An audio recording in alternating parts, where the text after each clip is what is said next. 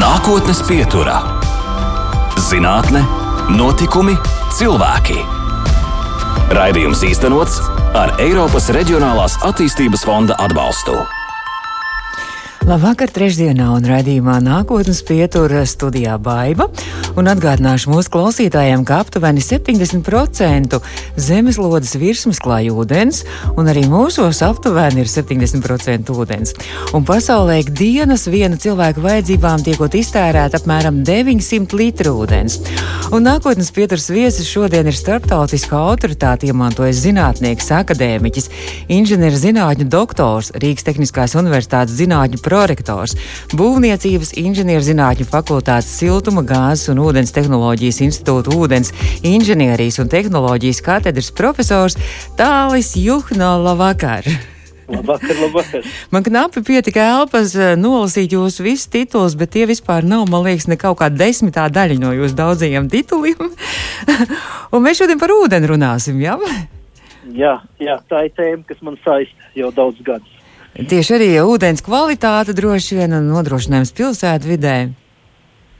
Jā, Jā, jā tātad principā uh, nu, mana pētniecības tēma skar visu ūdens ciklu. Sākot no ūdens ņemšanas, attīrīšana, noteku ūdens attīrīšana, atgriešana atpakaļ vidē. Un mans uzdevums izdarīt to pēc iespējas efektīvāk un drošāk. jūs esat arī ūdens pētniecības zinātniskās laboratorijas izveidotājs un arī vadītājs. Jā, laboratorijas izveidoja 2002. gadā, kad uh, atbraucu, atbraucu no studijām Zviedrijā, kur es ieguvu maģistra un doktora grādu. Un tad, protams, Latvijā bija brīnišķīga iespēja sākt veidot savu zinātnisku grupu, un tā nu sanāca, kad no, no nulles izveidoju to, kas tagad ir. Mums ir 15 cilvēki, eh, doktoranti, maģistranti, pētnieki, strādājam pie, kā jau minēju, visas ūdens problemātikas, gan Latvijā, bet nu, arī ļoti plaši pasaulē. Kā es noskaidroju, arī šī ir viena no vadošajām laboratorijām Baltijas, vismaz un ā, Ziemeļvalstu reģionā noteikti. Jā, mums Nu, ir ļoti daudz sadarbības partneri, jā, jā Baltijas jūras tieši tā. Par jūsu sadarbības partneriem arī droši vien mēs parunāsim arī tūlīt, jo mm, droši vien, ka aktualitāte, kas šobrīd neatstāja nevienu vienaldzīgu, un šie koronavīrusa testi, mēs sekojam līdz katru dienu tiem testiem, cik, cik vairāk ir cilvēki inficējušies Latvijā, cik mazāk, bet izrādās, ka koronavīrusa testus veids ne tikai cilvēkiem, bet arī ūdenim, un konkrēti jūs to šobrīd darat un monitorējat. Vai jūs varat pastāstīt par to, kas šobrīd notiek jūsu lauciņām? Jā, eh, protams, eh, koronavīrus ir aktuāls numur viens, un eh, zinātnieki ne tikai mūsu laboratorijā, bet visā Latvijā un pasaulē ir eh, nu, veltījuši savus, savus spēkus, lai to, ko mēs mākam, varbūt mazliet citā jomā darīt, varam izmantot arī, lai apzinātu šī konkrētajā gadījumā koronavīrusa izplatīšanās riskus. Un tā tēma, ko mēs pētām, ir uh, koronavīrusa pēdu uh, tā analīze notekūdenī. Jo, kā jūs zināt, notekūdenī nonāk uh, viss, kas nāk no iedzīvotājiem, no rūpnīcas. Un notekūdens uh, ir labs indikators tam, kas notiek uh, augstcē, tā sakot, pie iedzīvotājiem.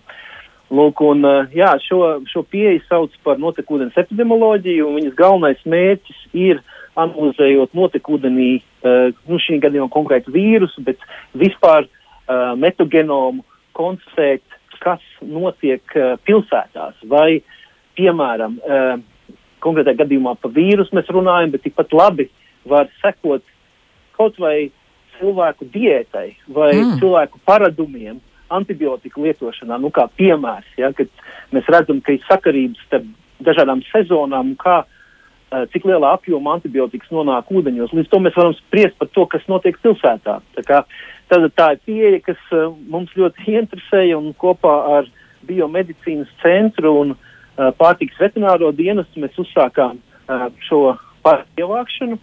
Nu, pirmie rezultāti ir daudz sološi. Nākamā nedēļa mēs jau prezentējam mūsu pirmos uh, nu, atk atklājumus Mm. Eiropas, tāds inovācijas, Eiropas pētniecības institūta konferencē, kas tiek organizēta nākamā nedēļa. Vai jūs varat arī prezentēt mazliet arī jau šovakar mūsu klausītājiem, kādi ir tie atklājumi pirmie? Jā, nu, pirmais, jā, eh, kad uh, bieži pirmais, par ko cilvēks var satraucās, vai tas vīrus, eh, kas ir notekūdenī, vai viņš var izraisīt saslimstību, jau uzreiz jāsaka, ka nē, tādu pierādījumu nav līdz šim.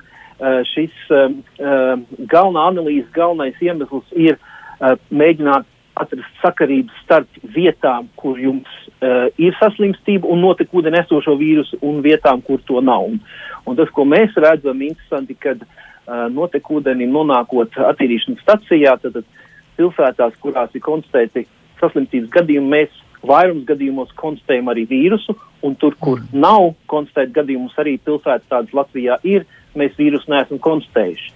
Un otra tāda interesanta lieta ir, kad attīrīšanas procesā, kas ir notekūdens uh, stacijā, notiek tad, tur koagulācija, uh, bioloģiska attīrīšana, šis signāls pazūd. Tas ir, tad, tad mēs redzam, ka notekūdens attīrīšanas stacijā attiecīgi vīrusu uh, fragments izdala, un tad to uh, uh, var konstatēt, uh, piemēram, dūņās, kas ir uzkrājušās jau pēc uh, attīrīšanas. Bet ja tās dūņas tomēr ir inficētas, tās kaut ir kaitīgie kaut kādā atkrituma, ne? Es reiz jāsaka, neiet runa par infekciju, vēlreiz saku, iet runa par um, RNS sekvenci, kuras, uh, kura ir parāda, kad kaut kad notekūdeni ir novadīts, uh, nu, tātad, uh, nu, notekūdeni nonākuši ir vīrusu fragmenti. Tātad neiet runa par infekciju, vēlreiz pierādījumu tam, ka notekūdens pārnes infekciju un no tā saslimst cilvēku nav. Ir, ir atsevišķi gadījumi konstatēt, analizējot, teiksim, Ķīnā viena publikācija bija, kas konstatēja, ka mirušam cilvēkam ir vīrus um, tātad um, dzīvā formā ir fekālijās, bet tas ir viens pierādījums, notekūdenī tādu pierādījumu nav bijis. Līdz ar to tas ir galvenais uzdevums ir tieši monitorings, ne, uh, un tas ir tas, ko interesantā veidā, un, un mēs esam arī izmēģinājuši Latvijā. Bet kā tur vēl tas vīrus var nonākt? Nu, piemēram, mazgājot rokas, jo mēs, man, mums pie rokām pieķēries tas vīrus, un es kā zinām, nu es pat, man liekas, dienā vismaz 50 reizes mazgāju rokas.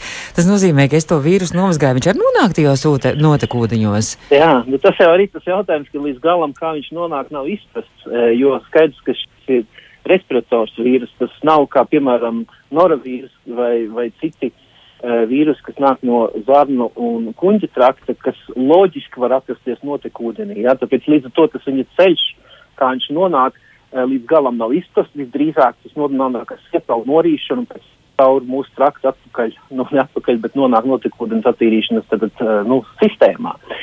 Bet tieši tāpēc jau arī ir šie pētījumi. Tagad mēs arī Latvijā esam dzirdējuši, ka ir piešķirts papildus finansējums, lai uh, varētu veikt pētījumus par koronavīrusu, eh, par viņu izplatību, par eh, tehnoloģijām, kā risku samazināt. Un mēs arī mēģināsim pieteikties projektam un šo pētījumu tālāk eh, projekta ietvaros arī attīstīt. Nu, katrā ziņā es domāju, ka ļoti vērtīgs pētījums. Droši vien jūs arī pēc tam izstrādāsiet arī kaut kādas rekomendācijas, arī, kā mums rīkoties, kā mums. es lasīju, vai tā ir taisnība, ka, piemēram, noskalojot tolets pūdē un tolets podā ūdeni, ir vēlams tam podam uzlikt vāku. Tas saistīts ar to, ka, nu, tad, kad mēs noskolojam toletē ūdeni, uh, tad gaisā nonāk aerosols. Ja? Viņš ir tādos nelielos pilienos, bet viņš nonāk, e, nonāk aerosols gaisā un līdz to cilvēks teorētiski var ieelpot. Bet, protams, mm -hmm. tā ir teorētiska varbūtība. Bet nu tad arī, piemēram, varbūt jūsu monitoringu, ja mēs to ņemam un ievērojam un, un pētām, tad varbūt, ka nemaz cilvēkiem vairs tos testus nevajadzēs veikt. Vai jūs, piemēram, noteiksiet vienā pilsētā, kurā nav bijis šajos notekūdeņos šis vīrus sastopams un pēkšņi ir, tad, nu, pilsētā varbūt visai jātais ir tas koronavīrus tests visiem cilvēkiem. Jā, mēs prognozēsiet.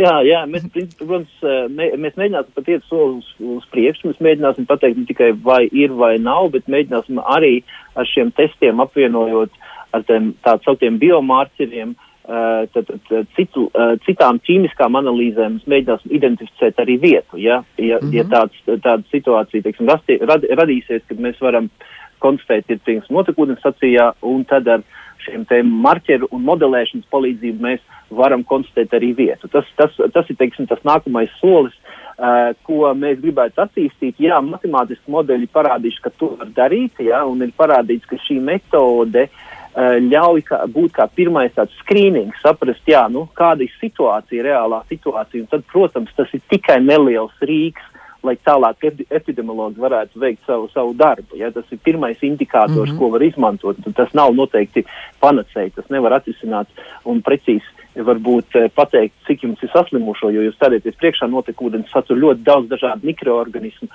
un, un līdz ar to tur ļoti daudz pēdus mikroorganismu miljoniem tad, tad sekvenču, kas tur ir, bet, eh, bet kā tāds pirmais indikators, tas ir ļoti labs un viņš ir lētāks.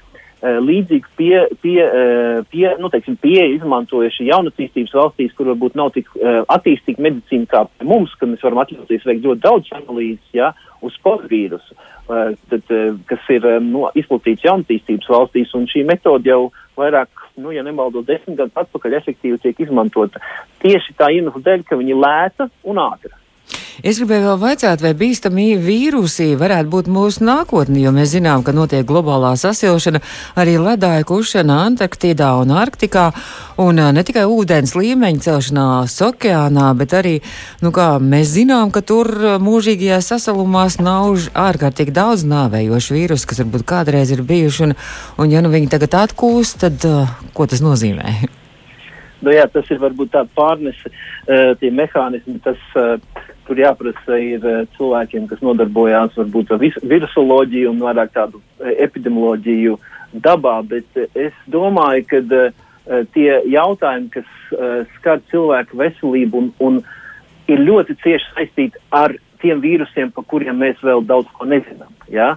Nu, teiksim, arī šīs koronavīrus gadījums, protams, tas ir Eh, līdzīgs vīrus pirms tam bija, bet viņa forma ir mainījusies un līdz ar to uh, veids, kā mēs no viņa varam pasargāties, arī cits. Līdz ar to es domāju, nākotnes izaicinājumi būs, kā mums būt gataviem uz kaut ko tādu, kas nav zināms, kā rīkoties. Uh, līdz ar to uh, es domāju, tas, kas arī tagad notiek saistībā Latvijā šo valsts pētījumu programmu, ir, ka ne tikai runāt par esošo situāciju, bet Eh, pētījumam jābūt vērstiem uz to, ka mēs zinām, ka kādreiz būs vīrus, tad mēs būsim labāk gatavi. Mēs turpināsim mūsu sarunu pēc brīža, un uh, mūsu attālinātais viesis joprojām, mēs radio arī attālināti, joprojām aicinām viesus, ir uh, akadēmiķis, profesors Tālis Juhno, un mēs turpināsim mūsu sarunu pēc brīža. Nākotnes pieturā. Turpinām redzējumu nākotnes pieturu, un šo redzējumu iespējams klausīties arī Apple un Google, arī Spotify podkāstos.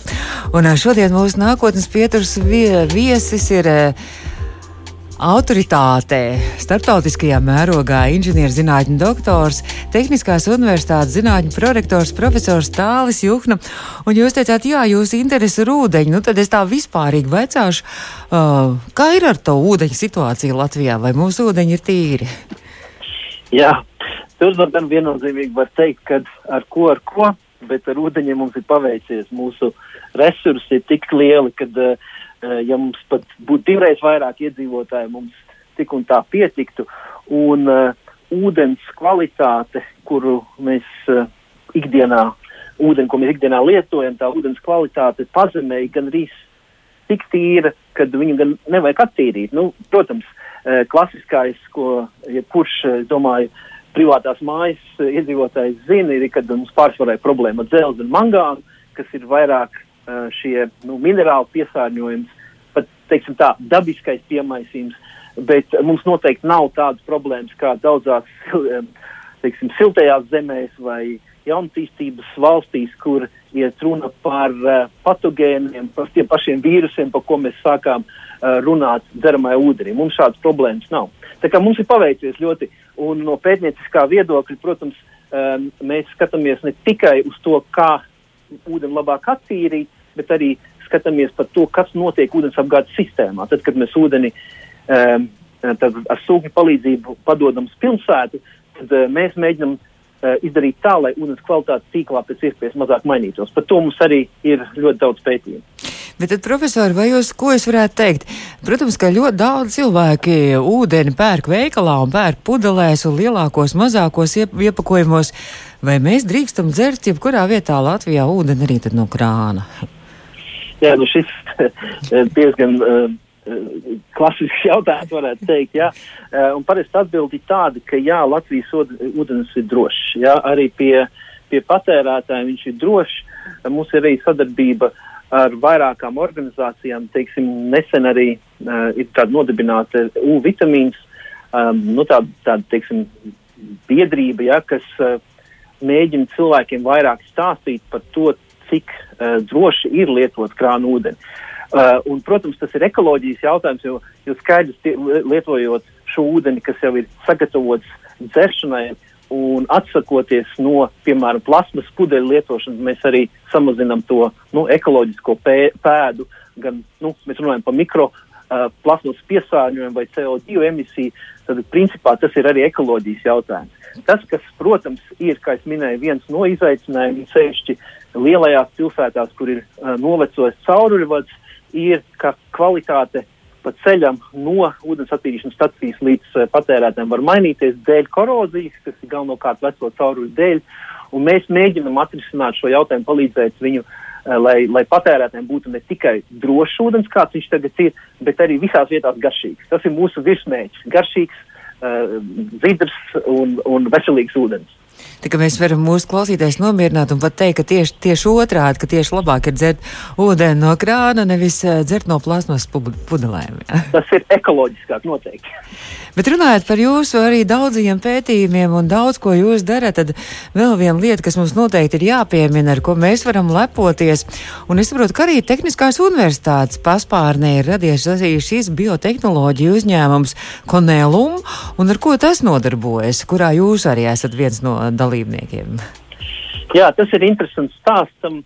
Varētu nelielu tādu ievadu, kad nu, Rīgas Tehniskā universitāte jau nu, teiksim, gadu desmitiem um, nu, kā vienu no prioritātēm redz ne tikai zinātnē, ne tikai izglītību, bet arī to, kā mūsu izstrādājumi, zinātniskās idejas var tikt komercializētas. Ja? Un, nu, uh, nu, šis ir viens piemērs. Ja? Tas ir varbūt tikai viens piemērs, un tā ir sanāca, ka uh, nu, um, es esmu šī uzņēmuma līdzdibinātājs. Uh, uzņēmums um, galveno, viņa galvenā ideja Eh, ir izstrādāta tehnoloģija, kur ir eh, tagad izstrādāta un tiek aprobēta, kā var eh, izmantojot molekulāro nu, bioloģiju, apvienojot to ar robotiku, jā, ar mākslīgo intelektu, ātrā veidā pārtikā konstatēt sēnīšu piesārņojumu. Tātad parasti šī metode, ko mēs izmantojam sēnīšu detekcijai, aizņem dienu, varbūt pat vairāk. Mūsu tehnoloģija, kura pat tiešo iezīmē sēnītes un pēc tam, izmantojot tādu robotizētu mikroskopu, ātri saskaita, dot iespēju rezultātus saņemt uh, principā stundas laikā. Lūk, un, un tad uh, tas, es vienkārši par to stāstu vēlreiz, ja, kāpēc pārtika, kāds saka, es mana pārtiku. Un te ir parādās ļoti, liet, ļoti laba atziņa, ja, ka bieži vien tad, kad tu uzsāc savu pētījumu, tu esi orientēts piemēram uz vienu pielietojumu, uz ūdeni. Un mēs arī sākām ar ūdeni. Ja? Mums tā sākotnējā ideja bija izstrādāt metodi dzeramā ūdens detekcijas, nu, kvalitātes kontrolē. Bet mēs konstatējām, ka tirgum vairāk ir vajadzīgas šīs metodas pārtikā, un tur bija tas, tas vilkme no tirgus, kad mums vajag šīs metodas. Līdz ar to nema, ne, ne, kaut kā nemanot, mēs tomēr nonācām no ūdens uz pārtiku. Bet principā tas pirmsākums bija ūdens uh, kvalitātes kontrole. Bet tas jau laikam ir ļoti jauki, jo zinātnē man liekas, ka bieži ir bijis kaut kas, ka meklē kaut ko vienu un atklāja pilnīgi kaut ko citu negaidītu un citā sfērā arī izdodas. Jā, tas ir viens no tas, man liekas, kas fascinē arī un kāpēc cilvēki ir zinātnē. Uh, ir, ir tas, ka tiešām tu katru dienu uzzini kaut ko jaunu, un, un tas tas, ko tu uzzini, var uh, tev pārsteigt. Ja? Tas daudz lietas ir pilnīgi neprognozējams. Man liekas, ka tas ir tas, kāpēc zinātnē cilvēki arī ir un, un, un turpina varbūt šajā diezgan nu, sarežģītā laikā. Es domāju, bieži mēs runājam par finansēm, ja?